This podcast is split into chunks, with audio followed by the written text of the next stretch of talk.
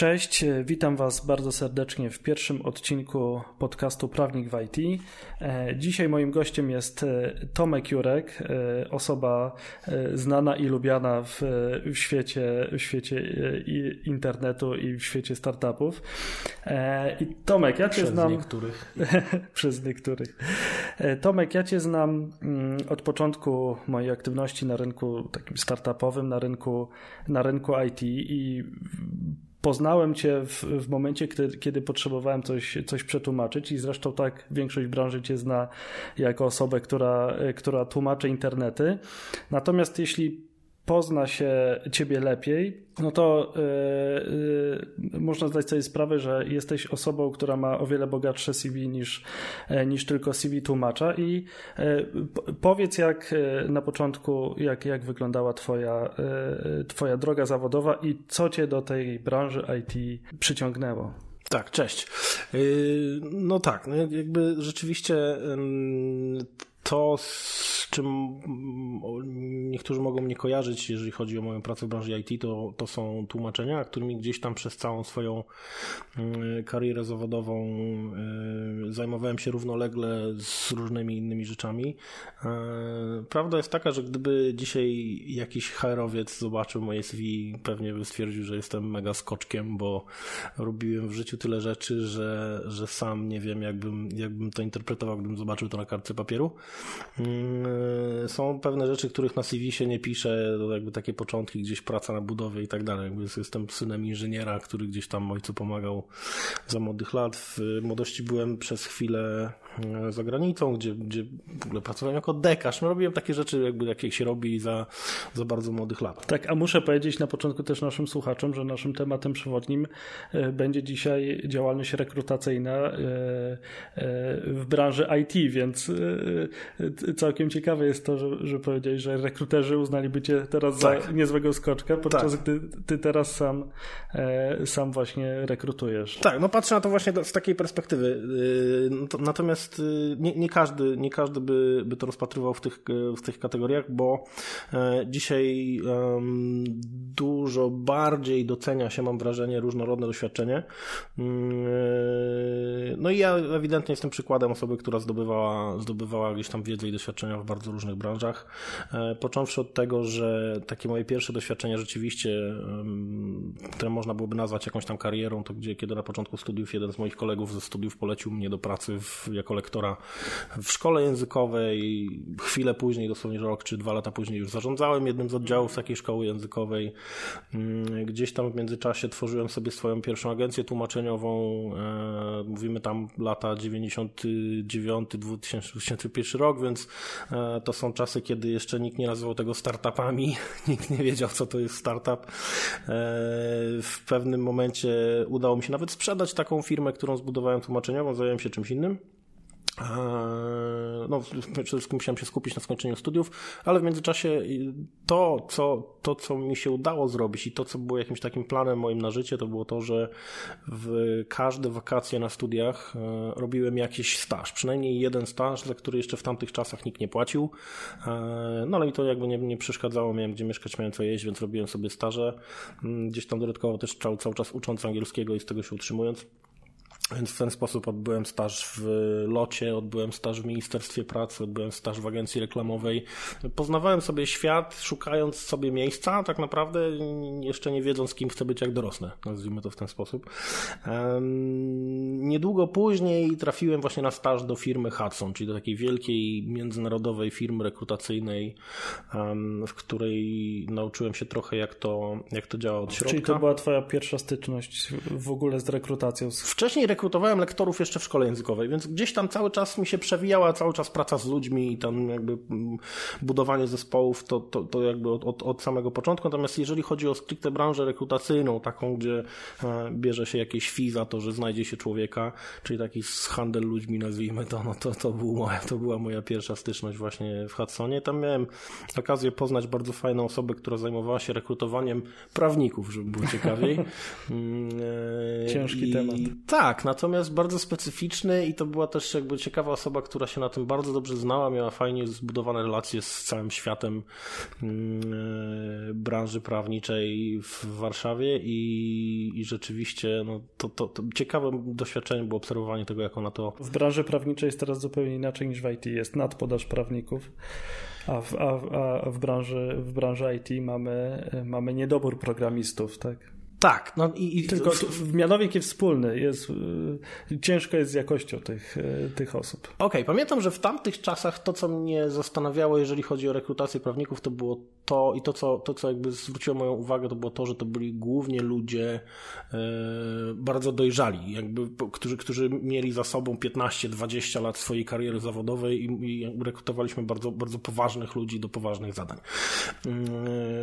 Dzisiaj, dzisiaj to wygląda trochę inaczej. Potem niedługo później gdzieś przez jakąś stronę internetową aplikowałem do agencji rekrutacyjnej w Londynie, która nie wiedząc o tym, że jestem w Warszawie, myśleli, że jestem gdzieś tam na miejscu, zaprosili mnie na rozmowę rekrutacyjną. Pamiętam, że to było tuż przed świętami Bożego Narodzenia. Kupiłem sobie bilet, wtedy niedługo wcześniej Wizer zaczął latać do Londynu, kupiłem sobie bilet e, do Londynu, pojechałem na tą rozmowę rekrutacyjną. Ona tam w ciągu jednego dnia odbyła odbył się cały proces rekrutacyjny. Zostałem przyjęty do pracy w agencji, e, która wtedy nazywała się Devonshire. Jej jakiś tam klon on jeszcze do dzisiaj istnieje, nawet mają oddział w Warszawie, bo w międzyczasie jak tam pracowałem, otworzyli oddział w Warszawie. Ta, ta firma sfinansowała mi szkolenie z rekrutacji, z tego jak rekrutować ludzi, ale również y, było to szkolenie sprzedażowe, ponieważ wtedy w Londynie rekrutacja polegała na tym, że najpierw trzeba było znaleźć wakat, docierając przez gatekeeperów do, do jakiegoś hiring managera, który szukał człowieka, a dopiero potem, jak już znalazło się ten wakat, na który można było szukać kandydata, trzeba było znaleźć kandydata i doprowadzić do tego, żeby firma się z człowiekiem dogadała. E, pamiętajmy że o tym, że to były czasy jeszcze przed LinkedInem, przed Facebookiem, więc generalnie telefon i książka telefoniczna i, i, i taka, taka, taka praca dosyć żmudna, y, bardziej kojarząca się ze sprzedażą niż z HR, zdecydowanie. E, Niedługo potem, jeszcze, jeszcze w Londynie, miałem taki epizod, gdzie opiekowałem się polskimi pracownikami fabryk i warsztatów, i to była praca, którą do dzisiaj wspominam bardzo dobrze. I pamiętam, że miałem wtedy najfajniejszy chyba tytuł stanowiska, jaki miałem kiedykolwiek w życiu. Byłem oficerem dobrobytu. się nazywało Welfare Officer, i moja praca polegała rzeczywiście na tym, żeby tym ludziom po prostu było, było dobrze, żeby im się dobrze pracowało, dobrze żyło, dobrze funkcjonowało, więc ja im pomagałem nie tylko jakby w pracy, ale też w życiu prywatnym rozwiązywać jakieś tam problemy typu yy, mieszkaniowe, czy tam jakieś dokumentacje migracyjne i tak dalej. Pomagałem w takich tematach. E, po powrocie do Polski na chwilę odbiłem od tematów HR-owych, zająłem się marketingiem w mojej alma mater, czyli w Akademii Lona Koźmińskiego. Zacząłem pracować jako specjalista do spraw marketingu, gdzie moja praca w zasadzie zostałem zatrudniony po to, żeby ściągać e, studentów z zagranicy. Czyli w sumie to też była rekrutacja, ale trochę innego, innego rodzaju.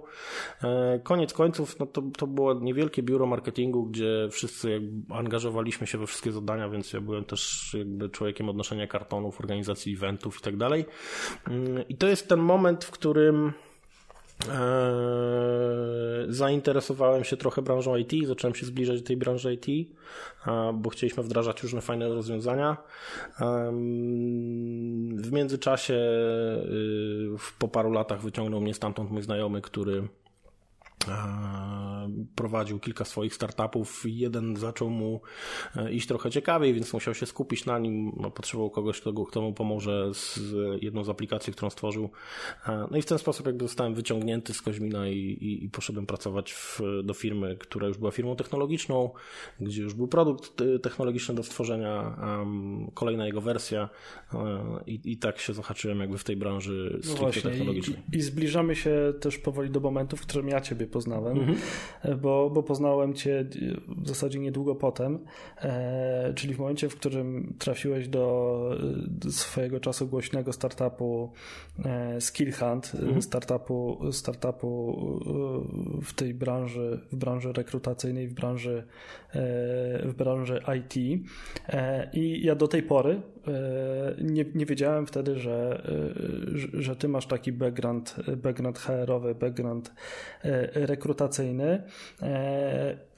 I powiedz proszę, jak w ogóle sobie radziłeś jako, jako taki początkujący rekruter, tak można powiedzieć w Skillhuncie, chociaż jak się okazuje wcale takim początkującym rekruterem nie byłeś, ale może inaczej. Jak, jak sobie radziłeś jako taki początkujący rekruter w branży w branży IT. Tak, znaczy to, to był w któryś... takim nieoczywistym w ogóle modelu biznesowym. Tak, to, to był któryś, któryś powiedzmy początek, nie, nie, nie, pierwszy, ale rzeczywiście było to zupełnie inne doświadczenie, um, um, ponieważ Skill Hunt, y, który był jakby zrodzony z pomysłu Mateusza Kurleto, y, założyciela y, Skill Hunta, miał być platformą crowd recruitingową. E, to tak sobie gdzieś tam nazwaliśmy w którymś momencie. E, pomysł polegał na tym, że chcieliśmy jako agencja pośrednicząca w rekrutacjach, pozyskująca klientów potrzebujących e, zapełnić wakaty, dzielić się prowizjami z osobami, które mogły nam polecić kandydatów. I to mogły być zarówno osoby całkowicie, nazwijmy to prywatne, które gdzieś tam w swoim gronie znajomych mają osoby nadające się na stanowiska w branży IT, jak i rekruterzy, którzy mm, mogli działać na zasadzie freelancerów albo mm, po godzinach polecać nam kandydatów, którzy gdzieś tam im odpadli z innych procesów. E, no i okazało się, to mówimy o e, gdzieś tam okolicach roku 2015, okazało się, że chyba jeszcze jest za wcześnie, że rynek jeszcze nie do końca e, zdaje sobie sprawę z tego, jak duże jest ciśnienie, jeżeli chodzi o te rekrutacje i jak bardzo mm, same polecenia są wartościowe, jaką wartość dodają, jeżeli chodzi o, o procesy rekrutacyjne. Mm. No bo teraz ten rynek rekrutacyjny w branży IT chyba w dużej mierze też jest oparty o takie bounty właśnie. Coś, co wy, e, wy stosowaliście w Skillhuncie i co wtedy w 2015 roku się, się nie przyjęło. Tak, to znaczy prawda jest taka, że dzisiaj rzeczywiście funkcjonuje kilka firm, które próbują robić to, co my robiliśmy wtedy.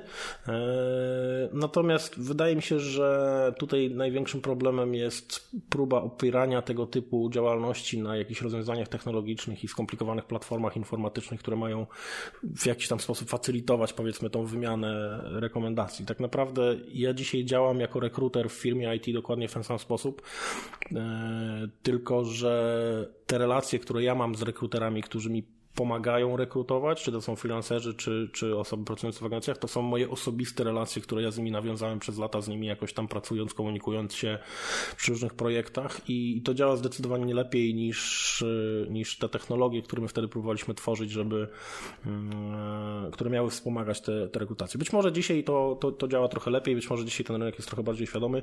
My się trochę też wyłożyliśmy na tym, że e, bardzo dużo nadziei położyliśmy w jednym olbrzymim kliencie, kliencie, którym był Amazon, na którym bardzo mocno się skupiliśmy. Pamiętam, jak otwieraliście rekrutację chyba na kilkudziesięciu, czy nawet kilkuset programistów. Tak, no my dostaliśmy wtedy 300 wakatów do zapełnienia.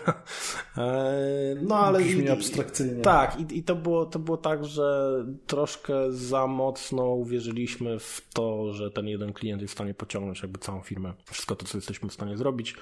E, I kiedyś się zorientowaliśmy, że, że jednak warto się też skupić na innych procesach i pokazać okazać, że jednak tych procesów mamy trochę więcej, e, to, to, to okazało się, że być może jednak pora, pora dać sobie spokój z tym, bo, e, bo pochłonęło to już zbyt dużo czasu i, i, i, i zasobów, tak? Zresztą na marginesie y, tak mogę powiedzieć, że opieranie się na jednym kliencie to w ogóle jest problem branży IT, nie tylko branży rekrutacyjnej.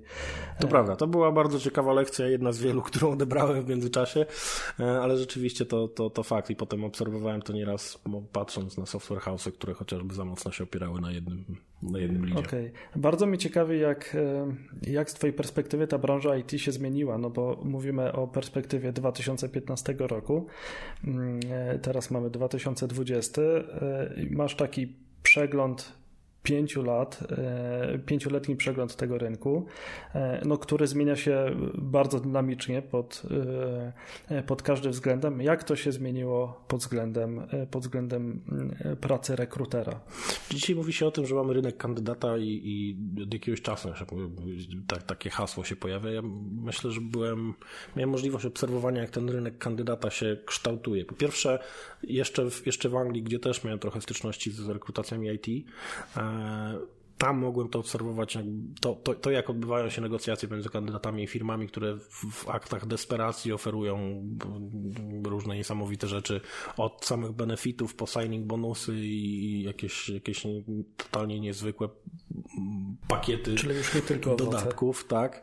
Nie, nie, nie, nie tylko owoce, ale tam oczywiście yy, pamiętam taką rozmowę z kandydatem, który miał pełnić stanowisko jakieś totalnie biurowe i w zasadzie jego najważniejszym oczekiwaniem było to, żeby mieć samochód służbowy, yy, który w ogóle nie był mu potrzebny do pracy, ale ktoś mu ten samochód zaoferował, bo takie było jego oczekiwanie, więc jakby już wtedy tam można było obserwować, jak, jak, jak wygląda rynek pracownika, a potem po powrocie do Polski mogłem sobie zobaczyć, jak ten rynek pracownika powoli kształtuje, kształtuje się u nas.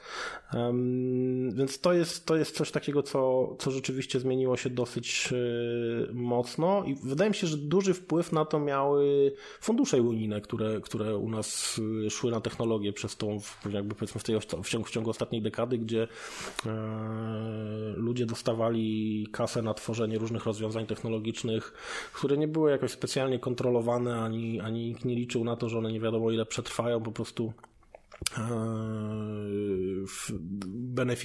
beneficjenci tych, tych projektów unijnych szastali na lewo i prawo, podnosząc co i róż wynagrodzenia programistów, o których się już wtedy zaczynali bić, bo liczba bodajże 50 tysięcy cały czas otwartych wakatów na programistów, które są nie do zapełnienia w Polsce pojawiła się właśnie już gdzieś w okolicach tam chyba tego 2015 czy 2016 roku. I od tamtej pory gdzieś cały czas jest wałkowana, gdzieś w różnych mediach, wywiadach się pojawia to 50 tysięcy i tak dzisiaj nie do końca y, ktokolwiek pamięta skąd ta liczba się wzięła. E, wynikało to, jeżeli dobrze pamiętam, z jakiegoś raportu y, Komisji Europejskiej, która, mm. to, która to w tym czasie liczyła i, i wychodziło, że, że w Polsce wtedy było 50 tysięcy wakatów w IT, a w całej Unii Europejskiej właśnie do, mniej więcej do dzisiaj, czyli do 2020 roku miało być 2 miliony niezapełnialnych wakatów e, w IT. Podejrzewam, że tak, że tak, to, że tak to dzisiaj wygląda. W każdym razie to, co mi się udało zaobserwować przez te lata, to właśnie ta zmiana z, e,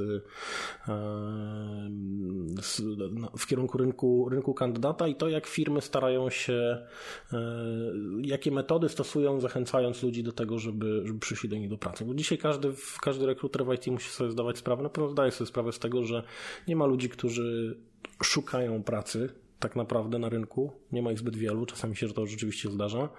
Um, raczej, raczej trzeba szukać metod na to, żeby zachęcić um, dobrych specjalistów do tego, żeby zmienili pracę i przyszli do nas do firmy, wybierając nas jako alternatywę do swojego obecnego pracodawcy.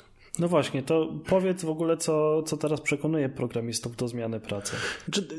Coraz rzadziej spotykam się z tym, że um, dla osoby, którą, z którą rozmawiam, jakiś pierw, pierwsze znaczenie mają pieniądze.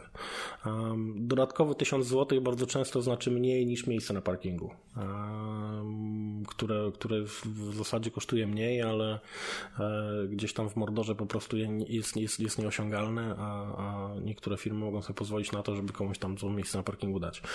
Um, rzeczywiście jest mm, trochę takich różnych rzeczy, które w międzyczasie pojawiały. Jest, jest powiedzmy taki standardowy pakiet benefitów, który, które oferują wszyscy i poza branżą IT to się może wydawać, że to jest super, że ktoś opłaca mi prywatną opiekę medyczną albo e, jakąś kartę na siłownię i tak dalej, gdzie w IT w zasadzie nikogo to już nie przekonuje, jest to całkowicie normalne i nawet mm, niespecjalnie jest się czym chwalić, tak jak te, te owoce, z których się śmiałeś wcześniej, jakby to oferuje każdy i w zasadzie zasadzie e, nie stanowi to już żadnej przewagi poza tym, że, że jest trochę takim branżowym żartem. Czyli tak, no jakby rzeczywiście to miejsce parkingowe chociażby jest takim czymś, co, co, co, co może, może człowieka bardziej przekonać od kasy. E, trzeba sobie zdawać sprawę z tego, że mówimy o ludziach, którzy mają, nie wiem, w okolicach 30 lat i potrafią zarabiać 15-20 tysięcy miesięcznie, więc dla nich dodatkowy 1000 złotych naprawdę nie robi, mm, nie robi żadnej, nie robi żadnej różnicy. A... Mam wrażenie, że dużo ważniejsza jest dla nich e, atmosfera w pracy i dla 1000 złotych po prostu nie będą zmieniali dobrego środowiska dobrego środowiska pracy na jakieś nieznane. Czy do tej pory już wielu, wielu z tych ludzi w IT przekonało się, że firmy, które szastają pieniędzmi, e, mogą się szybko skończyć? tak? W sensie jest dużo takich firm, e, jest powiedzmy jest trochę takich firm, które mm, stać na różne kolorowe gadżety i dystrybutory z ulubionym alkoholem w, w, w kuchni. Tak, to się zdarza, ale jednak e, najistotniejsza jest stabilność i, i, i, to, że mm, mam zespół, z którym mogę się rozwijać, bo jednak mm, jeżeli mówimy chociażby o programistach, to to jest, to jest zawód, w którym człowiek musi się uczyć cały czas. Także te technologie bez przerwy się zmieniają, rozwijają. E, jedne stają się bardziej popularne na chwilę, potem e, coś zajmuje ich miejsce i człowiek, który jest, mm, jest takim programistą, musi cały czas być na czasie, mm, bo od tego zależy w zasadzie nie tylko jego kariera, ale też e, jego firma, tak? Jego mhm. przyszłość jego firmy, bo jeżeli jeżeli on nie będzie w stanie e, pracować w jakiejś określonej technologii, to y, firma będzie musiała zatrudnić kogoś innego, kto będzie. Mhm. I tak to, się, tak to się kończy. Więc jakby naj, najistotniejsze chyba w tym momencie to, co przekonuje ludzi, z którymi ja rozmawiam, to jest na przykład fakt, że w firmie, w której dzisiaj pracuję, mm, w zespole, nie wiem, aplikacji mobilnych mamy prawie 20 programistów i wśród nich nie ma żadnego juniora, czyli nie ma żadnej osoby, która nie ma żadnego doświadczenia. Wszystko to są ludzie, którzy mają przynajmniej 3, 4, 5 lata. Są tacy, którzy mają 7 i 10 lat doświadczenia, od których można się po prostu dużo nauczyć yy, i, i, i z którymi można się dzielić wiedzą i yy, jakoś tam wzajemnie motywować się do, do dalszego rozwoju. Mhm. Ale to właśnie, czy to nie jest tak, że ten rynek też, yy, też zmienił się i pod tym względem, że dobrą pracę mogą znaleźć specjaliści w swojej, w swojej dziedzinie, osoby, osoby z doświadczeniem, a kilka lat temu było tak, że w zasadzie każdy junior, tak, e, był w stanie, był w stanie zdobyć, e, zdobyć e, w cudzysłowie dobrze, dobrze płatną pracę jako, jako programista. Znaczy to, tak chyba nadal jest. Znaczy w sensie rzeczywiście na rynku znajdzie się klient czy pracodawca dla, również dla tego juniora tak? Um... Tu wchodzimy na bardzo ciekawy temat, bo, tak. bo teraz jest e, bardzo rozwijająca się działka w, w, tej, w tej branży, branży IT, działka szkoleniowa, tak zwane właśnie szkoły programistów, takie szkoły, które wręcz wydaje mi się, że już masowo produkują, kształcą programistów e, juniorów. Tak, znaczy no, licząc wszystkie y, wyższe szkoły techniczne, politechniki i generalnie uniwersytety kształcące informatyków w zasadzie bardziej ogólnie, czyli nie tylko programistów. Mówimy o szkołach, które są w stanie wypuścić na rynek może kilkanaście tysięcy absolwentów w, w ciągu roku i to jest tak, że no, tylko część z tych ludzi zostanie programistami. Nie wszyscy e, idą w tym kierunku. Mm, nie wszyscy się do tego nadają, nie wszyscy, nie wszyscy chcą to robić. A rzeczywiście mówimy o olbrzymiej dziurze, jeżeli chodzi o zapotrzebowanie na takie osoby, dlatego mm, gdzieś w międzyczasie zaczęły powstawać szkoły, szkoły programowania, takie szkoły, które potrafią z kierownika stacji benzynowej zrobić frontend dewelopera. E, I mówię to całkowicie bez żadnej szydery, bo rzeczywiście jest to możliwe i podałem ten konkretny przykład, dlatego że z takim konkretnym przykładem miałem do czynienia e, i był to jeden z programistów, którego udało mi się mm, e, gdzieś tam u klienta obsadzić na stanowisku frontend dewelopera, gościa, który jeszcze półtora roku wcześniej był kierownikiem stacji benzynowej nie miał żadnego wykształcenia technicznego mm, i nauczył się programować na kursie w, w szkole programowania i całkiem nieźle mu to szło. Potem gdzieś tam jeszcze złapał trochę doświadczenia, e, więc już łatwiej mi było go e, gdzieś tam, gdzieś tam umieścić w jakiejś firmie. Problemem tutaj naprawdę jest, tak naprawdę największym problemem jest zdobycie pierwszego doświadczenia dla takich osób, bo bardzo często e, no, jakby, można powiedzieć, że z takich kursów korzystają osoby, które mm, nie mają wystarczająco samozaparcia, żeby się uczyć i robić, pracować na własnych projektach. Jedyne, co może ich uratować, to e, rzeczywiście praca zawodowa pod okiem kogoś, kto pomoże im się rozwijać. E, I to jest najszybsza, najszybsza droga, ale jednocześnie no, nie, trudno jest e, mi jako rekruterowi pomóc komuś znaleźć taką pracę. No, jakby człowiek, który jest absolwentem szkoły programowania, nie jest dla mnie, jako dla rekrutera, no kandydatem, którego ja mogę mogę sobie pozwolić, żeby go pokazać pracodawcy, bo e, no, ten pracodawca nie będzie się ze mną więcej pracować. No dobrze, ale patrząc właśnie z perspektywy, e, z perspektywy e, pracodawcy, pracodawca ryzykuje e, tym, że zatrudni e, początkującego programistę, poświęci czas, zainwestuje, e, żeby, żeby go mm, doszkolić, żeby zrobić z niego osobę, która, która powiedzmy będzie samodzielnym programistą w pewnym sensie. No i wyobrażam sobie, że taka osoba, zdobywając doświadczenie jednego pracodawcy, zaraz będzie chciała uciec do jakiegoś innego, bo wiadomo, że najlepszą metodą na zdobycie podwyżki jest po prostu zmiana pracy. I jak, jak przeciwdziałać, e, jak przeciwdziałać e, takiej rotacji w firmach, tak? I pytam się teraz ciebie jako osoby, która e, jest takim in-house'owym rekruterem od, od kilku lat. Mhm.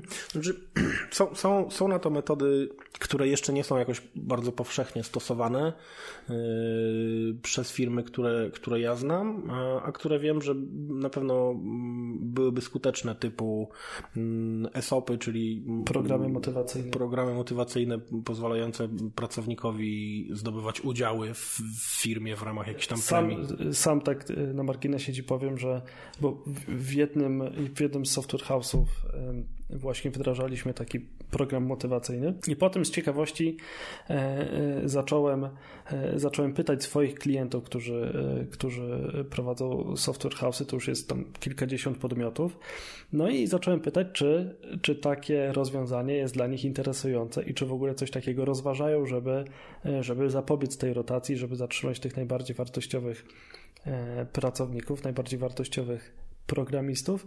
E, no i bardzo się zdziwiłem, bo blisko 90% powiedziało, że nie, że jakby to nie jest dla nich e, ciekawy temat, albo że nie znają tego tematu. E, większość z nich w ogóle tego, te, tego nie rozważała. Tak? To wynika z dosyć prostej rzeczy. Jak wycenić wartość firmy, której jedynym, jedyne aktywa to są ludzie, którzy dla niej pracują? Tak? Możesz się dzielić y, y, udziałami w swojej firmie, ale musisz potrafić uzasadnić, że te udziały są rzeczywiście coś warte. W momencie, kiedy zatrudniasz 50 osób i pracujesz w wynajmowanym biurze, gdzie jedyne co masz to kilka biurek i komputery, które i tak są pewnie w leasingu, e, to dzielenie się udziałami w takiej firmie z pracownikami jest z punktu widzenia tych pracowników, którzy są bardzo pragmatyczni. Ludzie w IT są bardzo trzeźwo, patrzą na, na rzeczywistość, na, na, na finanse, na, na liczby.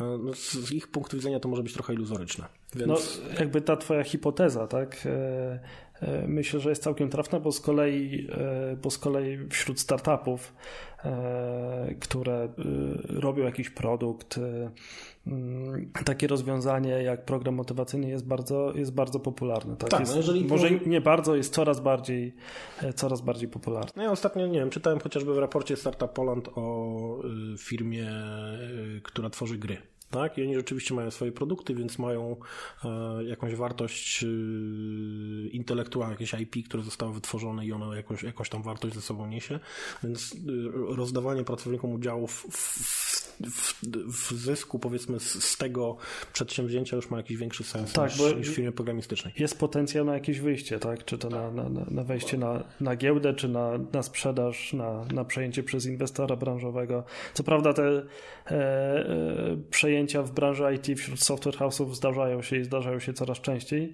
Natomiast e, rzeczywiście może jest tak, jak mówisz, że to jeszcze nie, nie niesie takiej namacalnej tak. wartości. I to, no i dlatego jakby to, to jest jedno z takich rozwiązań, które ja uważam, że jest, ma sens, tak? Jakby jest, jest na pewno motywujące dla, dla pracownika, mm, no ale jednak y, nie jest, nie jest to jest prosta rzecz. Są, są rozwiązania typu mm, lojalki w zamian za y, jakieś droższe szkolenie, tak? Jakby pracownik, który zostaje wysłany na jakieś, na jakieś droższe szkolenie może, może być, y, może to się odbywać w zamian za podpisanie jakiejś umowy lojalnościowej, no ale to jest takie trochę sztuczne trzymanie człowieka na smyczy i, i niekoniecznie musi być do końca motywujące. Um, I z drugiej strony, po stronie firm, które, które wyciągają pracowników w konkurencji, mm, jeszcze, znaczy widziałem w Polsce chyba jeden do tej pory przypadek, czy przypadek może dwóch firm, które odważyły się dać kandydatowi coś, co się nazywa signing bonus. Signing bonus na brytyjskim czy na amerykańskim rynku jest to dosyć powszechne, mhm. czyli wypłata większej kwoty w momencie, kiedy człowiek zgodzi się e, przejść do naszej firmy jako takiej premii na dzień dobry. E, ciekaw jestem, jak to się będzie, jak to się będzie dalej rozwijało, bo z jednej strony faktycznie, gdybym miał zdecydować, czy wolę zapłacić dla wewnętrznej agencji rekrutacyjnej e, nawet kilkadziesiąt tysięcy, bo tyle to kosztuje za, za pracownika, czy po prostu napisać ogłoszenie, w którym pisze, ej, przyjdziesz do nas, dam ci 30 koła, e, tylko po prostu przyjść do nas do firmy, mm, to, to na pewno miałoby duży efekt y, jakby taki PR-owy, gdzieś tam, gdzieś tam na pewno by się ludzie by o tym gadali, ale z drugiej strony e, znając rynek, to pewnie za chwilę wszyscy by to zaczęli robić. E, no w każdym razie już pojawiło się kilka gdzieś tam takich ofert. Słyszałem o takich, słyszałem o takich sytuacjach, natomiast na szczęście jeszcze nie wszyscy, nie wszyscy idą w tym kierunku. A jeszcze y, ciągnąc ten, y, ten temat y, budowania wartości, wartości firmy, tak? wartości firmy, która jest zbudowana na, na specjalistach, na ludziach, to powiedz, jak Twoim zdaniem właśnie software house'y powinny budować tę wartość, tak, żeby, żeby pracownikom, no, żeby pracownicy chcieli w niej pracować, żeby nowe osoby chciały do tej firmy przychodzić i żeby chociażby takie instrumenty jak, jak programy motywacyjne miały, e, miały sens bytu. Czyli jest taka mm, rzecz, która rzeczywiście powoduje, że marka pracodawcy jest, jest dobrze postrzegana w taki powiedzmy nie, nie, nie tylko sztucznie pompowany sposób jakimiś budżetami na marketing i, i, i e, właśnie ulubionym alkoholem gdzieś tam w kuchni, mhm. tylko um, tylko w sposób bardziej naturalny, no i to jest coś, czy, czy, czym nie da się za bardzo sterować. Znaczy nie da się mm, kultury organizacji wartościowej, docenianej przez pracowników kultury organizacji kształtować ręcznie e, w szybkim tempie. E, jak nie wiem, poczytam sobie mm, trochę książek związanych z HRM, czy chociażby, nie wiem, Bena Horowica Hard Things About Hard, Thing about hard Things, um, czy Powerful um, Patty McCord, która mm -hmm. zarządzała HRM w Netflixie, jakby budowała kulturę e, w, wewnątrz organizacji, którą jest Netflix, um, to, to oni mówią dosyć wyraźnie, że to jest to, co przyciąga ludzi najbardziej, to, co powoduje, że ludzie chcą z nami zostać najdłużej, ale jednocześnie jest to coś, co najtrudniej jest e, uzyskać, bo nie da się tego do końca zrobić za pieniądze. E, w sensie nie wystarczy rzucić jakiegoś olbrzymiego budżetu i, i, i to, to, nie spowoduje, że, e, że ta kultura będzie taka, a nie inna, że, e, że ludzie będą, że ludziom będzie się podobała, podobały nasze metody pracy. Tak? Jakby to, to, to jest chyba najistotniejsze i z, z moich obserwacji, jakby z ostatnich przynajmniej kilku firm, w których pracowałem, mm, to, to jest taki najbardziej istotny element i, i podstawą tego jest, jest y, zaufanie i odpowiedzialność. Taki odpowiedni miks pomiędzy zaufaniem do pracownika i delegowaniem odpowiedniej ilości odpowiedzialności na niego, która spowoduje, że e, on się poczuje ważnym elementem jakiejś większej całości, weźmie na siebie tą odpowiedzialność i będzie chciał, będzie mu zależało na tym, żeby, żeby realizować swoje cele, a jednocześnie mm, należy takiej osobie umożliwić realizację tych celów, tak? Czyli wszystkie zasoby w ramach tej organizacji i wszystkie inne osoby w ramach tej organizacji muszą dążyć do jakiegoś wspólnego celu. E, I, i, I tego się nie da. To nie jest coś takiego, co można zrobić na ten temat PowerPointa i wyświetlić prezentację dwa razy i, liczyć na to, że ci ludzie po prostu zaczną tak działać. To się odbywa chociażby właśnie poprzez odpowiednie prowadzenie rekrutacji, zwracanie uwagi na odpowiednie cechy ludzi, których zatrudniamy. No i też y, przez takie długotrwałe kształtowanie i szkolenie pracowników, którzy, którzy z nami są od dłuższego czasu.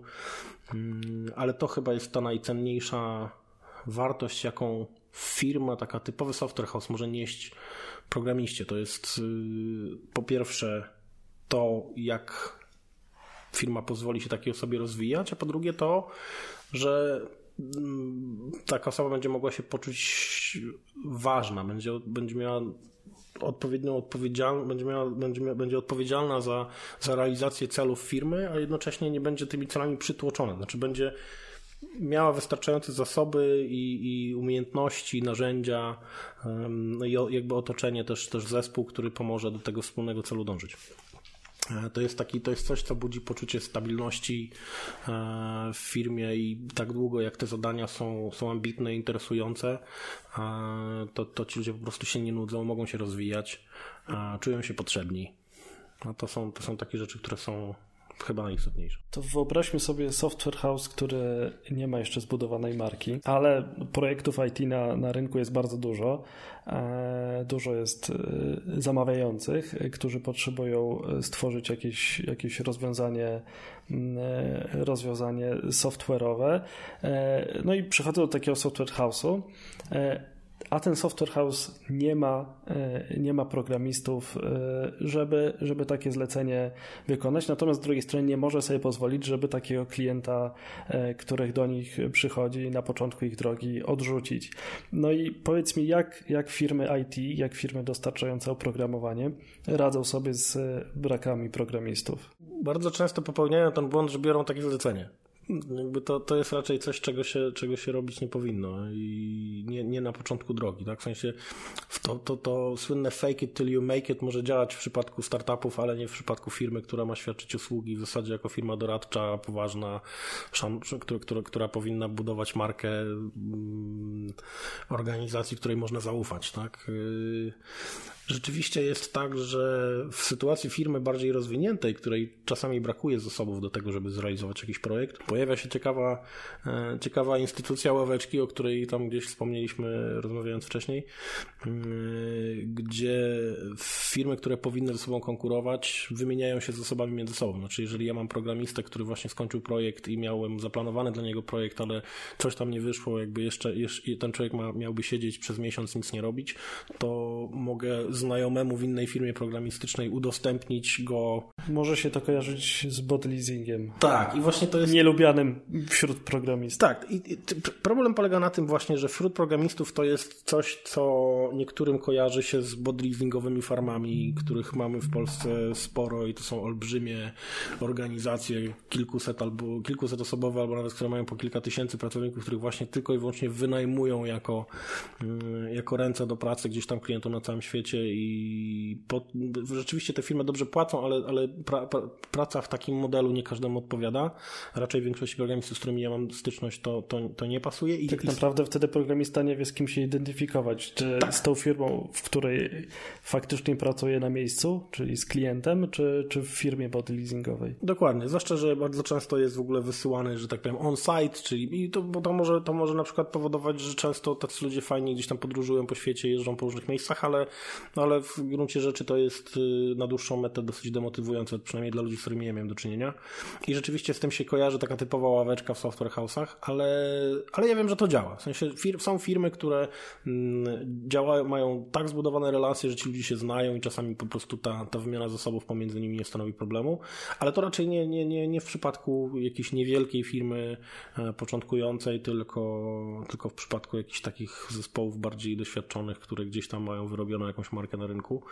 Mm, dzisiaj zresztą, no nie wiem, z moich obserwacji wynika, że te firmy, które dzisiaj na rynku nazwijmy to królują, ale tak, tak masowo królują. Nie mówię o tych, które są liderami rynku, które mają po kilkaset osób i, mm, i gdzieś tam mają tą markę zbudowaną najlepiej, tylko mówię o takich, których jest najwięcej. To są firmy, które, ja mam takie wrażenie, że powstały właśnie jako efekt uboczny yy, gdzieś tam tych unijnych funduszy, które były yy, rozdawane mocno, powiedzmy około 10 lat temu. Gdzieś to były takie zespoły, powiedzmy 3, 4, 5, 10 osobowe, które budowały jakieś produkty, które się nie udały i ci ludzie w, w pewnym momencie zdali sobie sprawę z tego, że skoro już jesteśmy, skoro jest nas kilka osób i dobrze nam się ze sobą pracuje, to zacznijmy po prostu świadczyć usługi e, i sprzedawać te nasze usługi klientom zewnętrznym i w ten sposób myślę, że w Polsce powstało przynajmniej kilkadziesiąt, jak nie kilkaset naprawdę świetnych firm programistycznych, które dzisiaj się rozrosły do 30, 50 czy 100 osób i, i bardzo fajnie mm, bardzo fajnie funkcjonują. I to one między sobą, to są ludzie, którzy się bardzo często znają, którzy między sobą mogą się tymi zasobami wymieniać i, i, i mimo tego, że rzeczywiście konkurują i o klientów, i o mm, też swoich programistów to, to gdzieś tam widać, że, że potrafią też ze sobą współpracować, co jest bardzo fajne. I przede wszystkim ciągną jakby trochę gospodarkę do przodu. Mhm. Bo przed, są to głównie firmy, które sprzedają za granicą, zasilając nasz, nasz, nasz rynek y, fajnymi przepływami gotówki, tak? Z, z, z rynków amerykańskich, zachodnioeuropejskich i tak dalej. Także to jest, to jest na pewno fajne. Natomiast jeżeli chodzi o młode firmy, e, to nie radziłbym nikomu Zresztą nikogo na to specjalnie nie stać, żeby e, w bardzo szybkim tempie budować zespół pod projekt, który potencjalnie mógłbym zdobyć u klienta mm, i budować zasoby, których nie mam. Okej, okay. no, czyli jakby wiemy, że szybko, szybko przeprowadzić rekrutacji się nie da e, i znaleźć. No się, ale to kosztuje. Okej. Okay. Tomek, już kilka razy podczas tej rozmowy wspomniałem, że jesteś, e, że jesteś wewnętrznym rekruterem e, w firmie dostarczającej e, oprogramowanie, czy wytwarzającej oprogramowanie. I na pewno nieraz miałeś okazję też współpracować z zewnętrznymi agencjami rekrutacyjnymi, które specjalizują się w, w rekrutacji programistów. I powiedz mi, jak taka jak taka współpraca się odbywa i na co w ogóle należy zwrócić e, przy takiej współpracy uwagę z Twojej perspektywy. Okej, okay, to, to, to co powiedziałem przed chwilą, że mm, da się przeprowadzić rekrutację szybko, kwestia, jest to, jest to kwestia pieniędzy, to, to między innymi właśnie e, wynika z tego, że na rynku mamy trochę agencji rekrutacyjnych, które potrafią w dosyć szybkim czasie taką rekrutację zamknąć. E, agencji rekrutacyjnych na, w branży IT jest coraz więcej, one rosną jak grzyby po deszczu, dlatego że to jest mm, pozornie wygląda to tak, jakby to był bardzo dochodowy biznes. E, dlatego, że stawki za zrekrutowanie takiego programisty sięgają nawet kilku jego miesięcznych pensji. Jeżeli mówimy o człowieku, który zarabia 15-20 tysięcy złotych miesięcznie, gdzieś tam netto na jakiejś umowie B2B powiedzmy, no to taka agencja rekrutacyjna, yy, najdroższe, które znam, próbują sobie liczyć powiedzmy po, po 3, 3 miesięczne pensje. Ale to człowieka. też jest chyba powód, y, dla którego y, firmy IT coraz częściej idą w taki model, że zatrudniają właśnie takie osoby jak ty y, na stanowisko takiego wewnętrznego rekrutera, czy, czy osoby, która, która ma zająć się harem, gdyż to jest też dla nich, dla nich wymierna oszczędność, tak?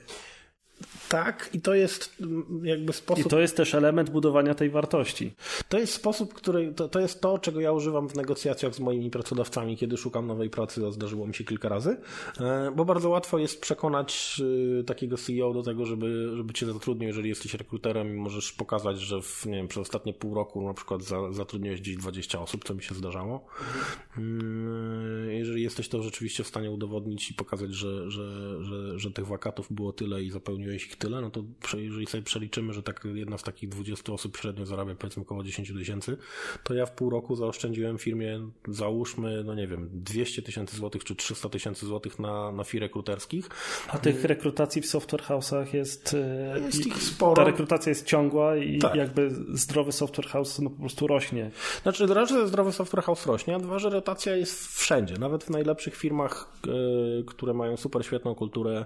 E, czasami się zdarza, że ktoś dochodzi do wniosku, że po prostu ma dosyć, albo chce zmienić, nie wiem, technologię, w której pracuje, albo chce w ogóle zmienić branżę i odchodzi. I można spokojnie powiedzieć, że w 50-osobowej firmie e, przynajmniej raz na dwa miesiące ktoś nam odejdzie. E, pewnie częściej to będzie raz w miesiącu. Poza tym no, chcemy rosnąć gdzieś tam w tym tempie powiedzmy 10-20% rocznie i to wychodzi na to, że no, dwie, trzy rekrutacje miesięcznie wypadałoby zamknąć. A jak pomyślimy sobie, że najdroższe firmy rekrutacyjne biorą 3 miesięczne pensje i taki średni człowiek kosztuje powiedzmy te 10-12 tysięcy miesięcznie, to nam się z tego robią setki tysięcy złotych. W zasadzie to przy 50-osobowej firmie w, w, skali roku, jakby to rzeczywiście policzyć, to, e, to i więcej. Więc e, rzeczywiście dosyć łatwo jest dobremu rekruterowi, który ma doświadczenie chociażby w pracy w agencji, gdzie potrafią mielić wakatów e, przynajmniej po kilka miesięcznie, no łatwo jest takiemu rekruterowi przekonać yy, właściciela software house'u do tego, żeby go zatrudnił. Yy, I no i tak zresztą powinno być, bo rzeczywiście myślę, że nawet z punktu widzenia takiego rekrutera, dlaczego ja powiedziałem sobie kiedyś, że nie będę więcej pracował w żadnej agencji, dlatego że jako rekruter wewnętrzny w firmie IT, który no trochę już potrafi rozmawiać z programistami, mam dużo lepszy odbiór wśród swoich potencjalnych odbiorców właśnie, czyli tych kandydatów, z którymi rozmawiam, niż, niż człowiek w agencji. E, rzeczywiście jest to taka branża, która mocno rośnie, tych rekruterów jest coraz więcej, a to powoduje, że coraz mniej doświadczeni ludzi się za to biorą. E, agencje bardzo często pozwalają sobie na, na, na branie na, na agentów rekrutacyjnych ludzi totalnie doświadczonych, których tam troszeczkę tylko przeszkolą i, i wpuszczają ich na rynek. I, i, i głównie takie osoby niestety powodują, że opinia o rekruterach w branży IT e, no jest taka, jaka jest. Jest bardzo, jest bardzo słaba. Rekruterzy są mhm. oceniani jako osoby, które e, zupełnie chociażby nie czytają profili e, programistów, jakby mają, nie, nie zwracają uwagi na to, co, co jakby z punktu widzenia tego programisty jest istotne, w jakich technologiach pracują. Jakby taką totalną kliszą jest mylenie JavaScriptu z Javą. Z tego się wszyscy śmieją. Ja szczerze mówiąc, no, trudno było w to uwierzyć, że rzeczywiście ktoś to robi, no ale rozmawiałem nieraz z programistami, którzy potwierdzali faktycznie, e, że, że to im się zdarzało. No i, no i to powoduje, że, że, że opinia e, takiego typowego agenta z agencji rekrutacyjnej e, jest no, nie, niezbyt pochlebna wśród, wśród programistów. Więc mi jako, mi jako rekruterowi w branży IT pracującemu bezpośrednio u klienta po prostu łatwiej się pracuje, lepiej mi się z ludźmi rozmawia, mam lepszy response rate chociażby na wiadomości, które do ludzi wysyłam. E, mogę się bardziej wgryźć w to, jakie są potrzeby mojego klienta, pracodawcy. E, dużo lepiej znam zespół, dużo lepiej znam e, kulturę pracy w mojej organizacji i mogę o tym lepiej opowiedzieć swojemu potencjalnemu kandydatowi, co z kolei ze strony kandydatów jest, mm, jest bardziej doceniane. Ale to nie znaczy, że E, nie korzystam z pomocy agencji rekrutacyjnych. I rzeczywiście jest tak, że są takie agencje, które robią to dobrze, są takie agencje, które robią to dobrze i wcale nie za trzy miesięczne pensje. Ja w zasadzie, mm, ja mam taką zasadę, że nigdy nie wychodzę z, z jednej miesięcznej pensji, jeżeli chodzi o wysokość fee, które zapłacę rekruterowi.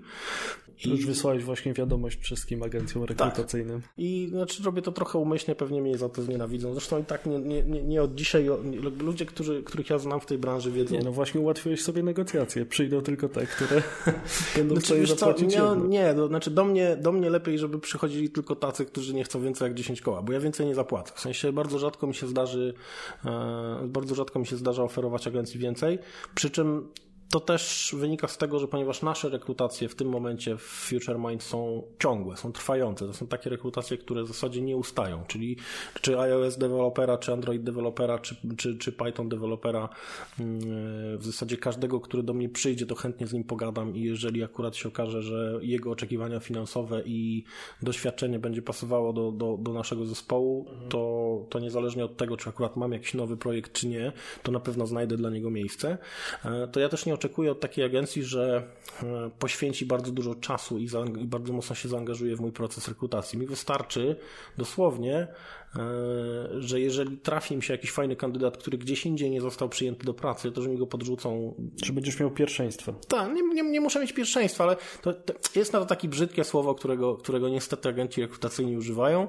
E, ja biorę wszystkie spady. Nazwijmy to w ten sposób, tak? Czyli i to wynika z tego, że y, firmy bardzo różnie oceniają programistów na podstawie bardzo różnych kryteriów. Ja oczywiście też przeprowadzam proces rekrutacji po swojej stronie, gdzie rozmawiam z taką osobą, gdzie mm, organizuję rozmowę takiej osobie z naszym e, team liderem, który sprawdza jego wiedzę techniczną. Jeżeli e, ten programista nie ma odpowiedniej wiedzy i nie ma odpowiednich e, kwalifikacji i jeszcze dodatkowo nie jest po prostu fajnym gościem, z którym ja bym chciał pracować, to my go nie zatrudnimy. Natomiast gdzieś w innej firmie on mógł być odrzucony na podstawie zupełnie jakichś innych kryteriów mm, i mi nie przeszkadza to, że ktoś mi go, ktoś mi go poleci, mimo tego, że odpadł w jakimś innym procesie, a jednocześnie też nie oczekuję od tego, że za, nie, nie oczekuję oczekuję od firm rekrutacyjnych, że w zamian za zaniżone, jeżeli chodzi o rynkowe stawki, oni będą dla mnie specjalnie się starać mhm. i, i, szukać mi ludzi na rynku. No nie o to chodzi. Ja wolę mieć relacje z pięcioma, sześcioma, siedmioma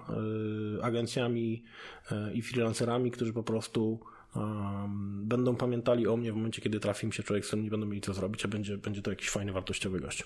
E, wróćmy jeszcze do tej złej opinii o, e, o agentach e, rekrutacyjnych, bo też wyobrażam sobie sytuację, że jakaś agencja, jakiś agent przyprowadza programista, a potem za pół roku stara się go zrekrutować do innego swojego klienta. To się ładnie nazywa recycling kandydatów. Ładnie to ująłeś, to prawda. I powiedz mi, jak, jak, się, jak się przed czymś takim e, bronić i, i, co tak naprawdę w praktyce jest stosowane? Nie da się. Jest y, wśród moich znajomych rekruterów jest, byłbym w stanie ci rzucić kilka nazwisk ludzi, którzy konkretnie coś takiego robią. I nie, nie, trudno jest się przed tym zabezpieczyć, poza tym, że wiesz, że, że, że znasz kogoś, kto, kto, kto potencjalnie może w ten sposób e, próbować z tobą zagrywać.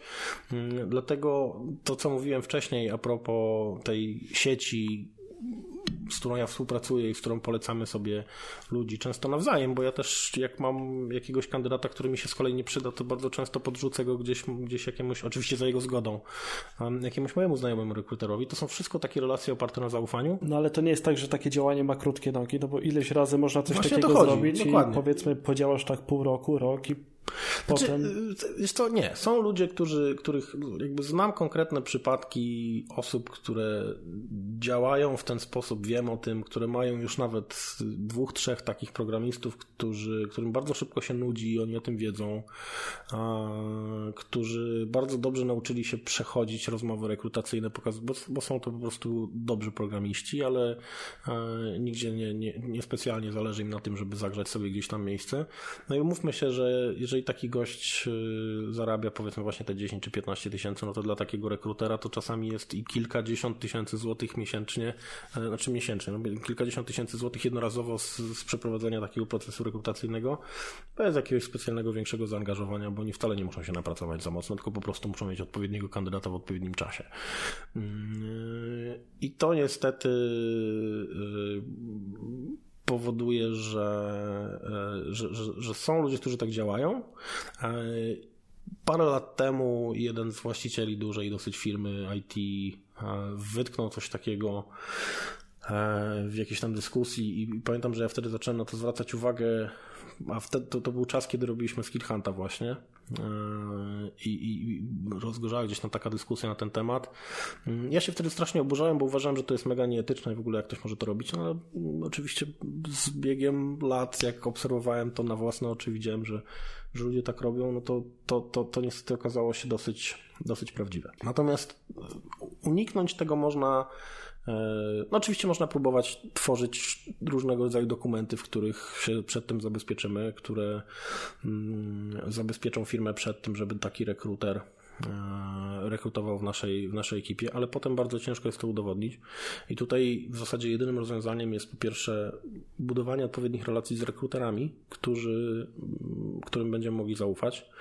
No a po drugie, budowanie relacji z programistami, którzy w takiej sytuacji, kiedy taki rekruter się do nich odezwie, to nam po prostu o tym powiedzą. No właśnie, programista też nie odchodzi bez powodu. Tak, programista nie odchodzi bez powodu i jeżeli, jeżeli rzeczywiście jest to człowiek, który pracuje z nami blisko, mm, i z którym rozmawiamy w miarę regularnie i którego traktujemy jako jakiegoś tam członka naszej, naszej ekipy i staramy się, staramy się trzymać rękę na pulsie, jeżeli chodzi o jego motywację i zadowolenie z tego, co robi, to jednak przeważnie dowiemy się o takiej sytuacji. Tak? Znaczy, często, e, często też jest tak, że ja ludzi, którzy od nas odchodzą, a wiem, że zostali przyprowadzeni do nas przez agencję rekrutacyjną, zadaję im pytanie wprost e, i Miałem sytuację, w której programista mi się przyznał do tego, że wyciąga go ten sam rekruter, który go do nas przyprowadził.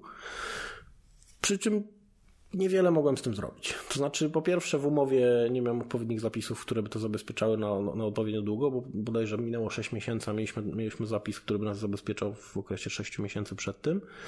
Mm, no, po drugie, jakby to rzeczywiście nie jestem w stanie takiego człowieka zaciągnąć do sądu, żeby mi, żeby mi zeznał, że, że rzeczywiście tak było, no bo to wiadomo, że to jest praktycznie nierealne, nie ma w tym żadnego interesu, żeby, żeby iść i, i, i coś takiego zeznawać, więc nie, trudno się przed tym zabezpieczyć. Jedyne, co Trzeba to zrobić, przełknąć to... i iść dalej. Tak, no jakby po prostu wiem, że nigdy więcej nie będę pracował z tą, z, z tą agentką i nikomu jej nie polecę. Tak. Okay. A powiedz mi w tym kontekście, jakby w ogóle w kontekście tej rozmowy, ale w szczególności w kontekście y, tego, co przed chwilą powiedziałeś, jaka jest Twoim zdaniem przyszłość branży rekrutacyjnej, ale w tej, y, w tej działce, w działce IT? Czy, y, czy uważasz, że będzie się tworzyło więcej agencji, czy być może e, na rynku będzie więcej rekruterów, freelancerów, e, czy może jednak firmy będą stawiały na to, żeby, e, żeby zatrudniać własnych in-house'owych rekruterów i, i osób w ogóle odpowiedzialnych za, jak to przed rozmową ująłeś, szczęście pracowników. Tak. Tro, trochę, trochę ze wszystkich tych rzeczy, które wymieniłeś, myślę, że się zadzieje. Przede wszystkim będzie to zależało od tego, jak będzie wyglądał kształt samej branży IT, bo jeżeli mm, zapadnie się rynek IT, co może się wydarzyć yy, i bardzo wiele osób przewiduje, że to się wydarzy prędzej czy później, a raczej prędzej niż później, to ta sama, ta sama, to samo spotka branżę rekrutacyjną, dlatego że w momencie, kiedy na rynku pojawi się trochę więcej kandydatów, to, to, to po prostu ci rekruterzy zewnętrzni będą też trochę mniej y, potrzebni.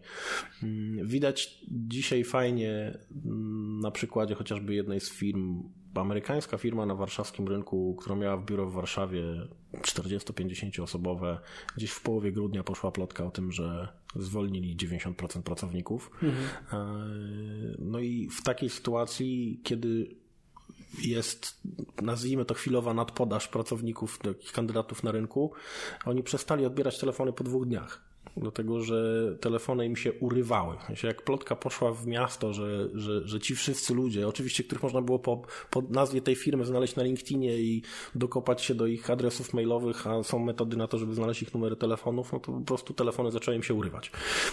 I widać jakby co się dzieje, kiedy, kiedy, kiedy ta nadpodaż kandydatów się, się, się, się pojawi.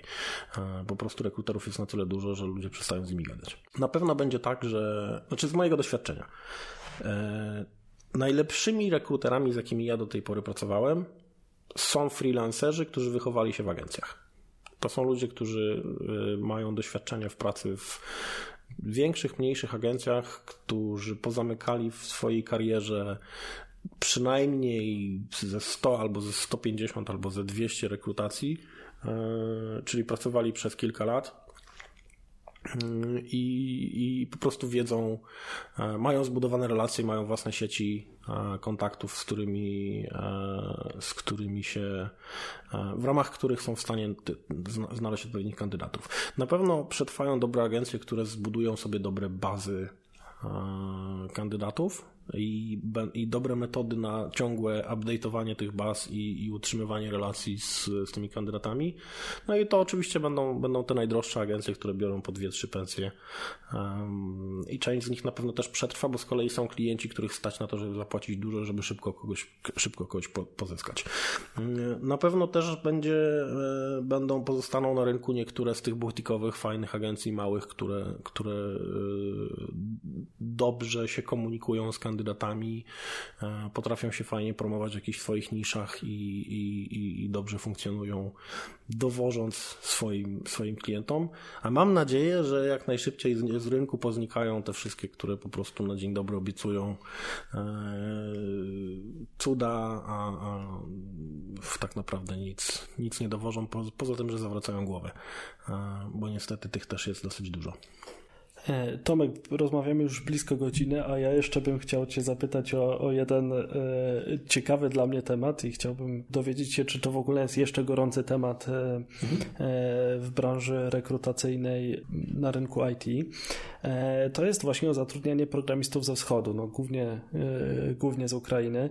I, I powiedz, jak to wygląda od strony praktycznej i, i też przede wszystkim od strony prawnej, co, co należy zrobić, co pracodawca co Software House powinien zrobić, żeby takiego, takiego programistę zatrudnić, bo jak rozumiem jest to dosyć, dosyć popularna, do, dosyć popularny sposób na to, żeby, żeby zapełnić sobie t, tę lukę w pracownikach. Tak, no na, mamy w, na, naszych wschodnich sąsiadów, chociażby na Ukrainie mamy całkiem spore rynki, gdzie, gdzie tych programistów dobrych jest dużo, gdzie oni są tak samo jak my nauczeni pracy zdalnej z zagranicznymi klientami. Wielu z nich bardzo dobrze mówi po angielsku, mają fajne doświadczenie i dużo, dużo, dużo ciekawej wiedzy, więc nie ma żadnych przeszkód przed tym, żeby ich zatrudniać.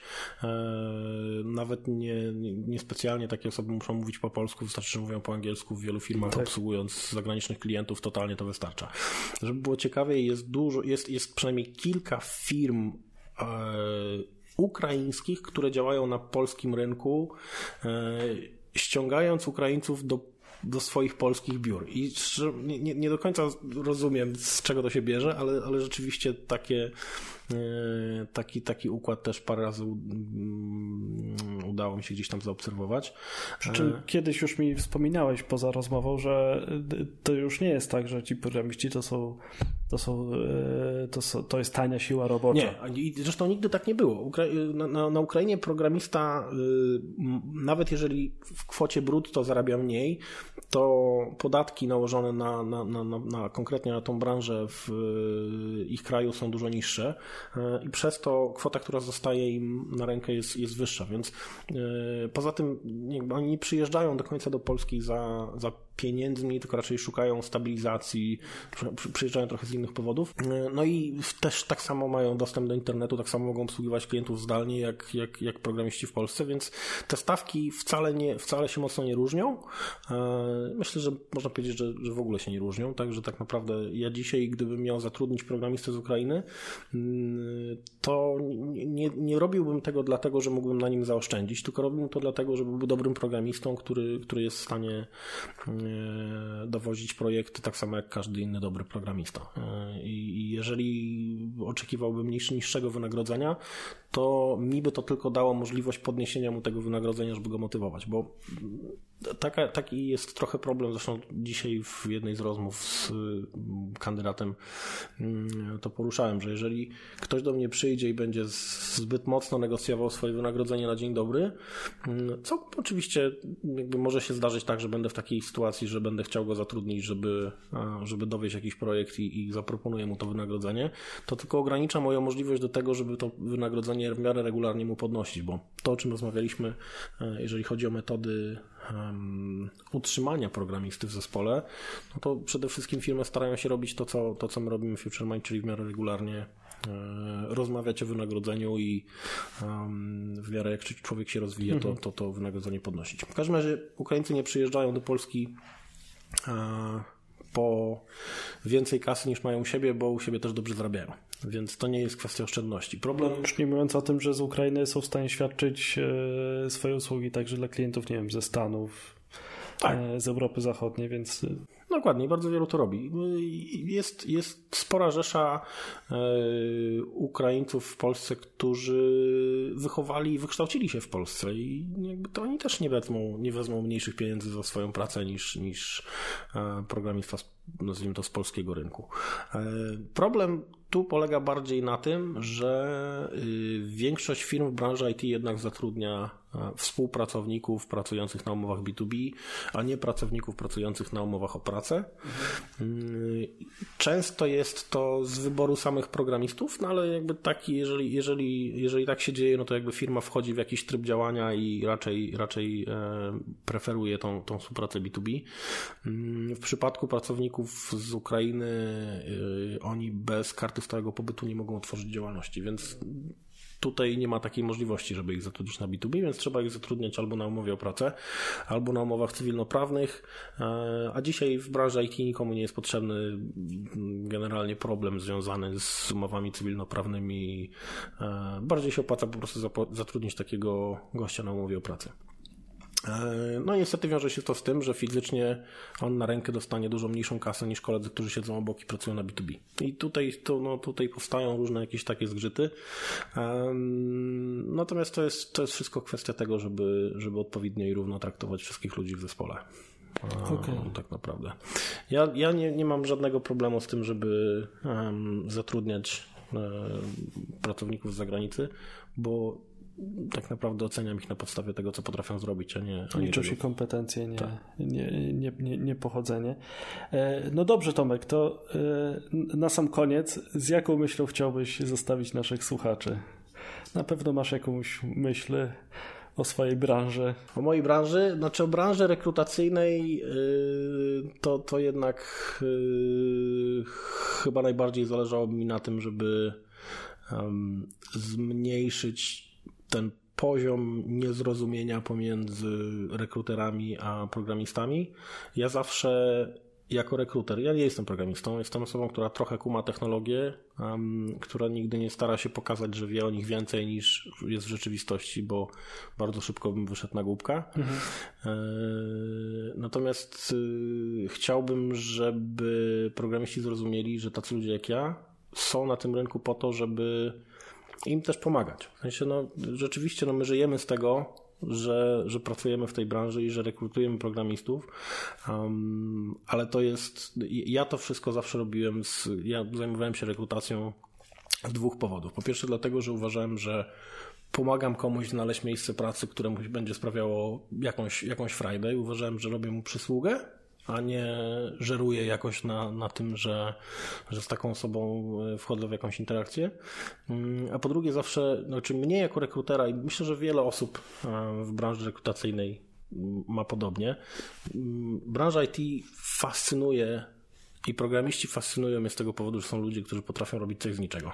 Mają bardzo unikalną umiejętność robienia niesamowitych rzeczy bez e, wkładu innego niż ich czas i wiedza, e, no co dla mnie jest fascynujące, więc jakby chciałbym, żeby ludzie, którzy z którymi rozmawiam na co dzień, zdawali sobie sprawę z tego, że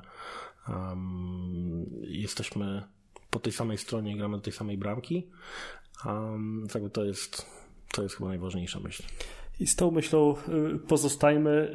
Dziękuję Ci, Tomku, za przyjęcie zaproszenia i za E, za tę e, owocną rozmowę. Dzięki za zaproszenie.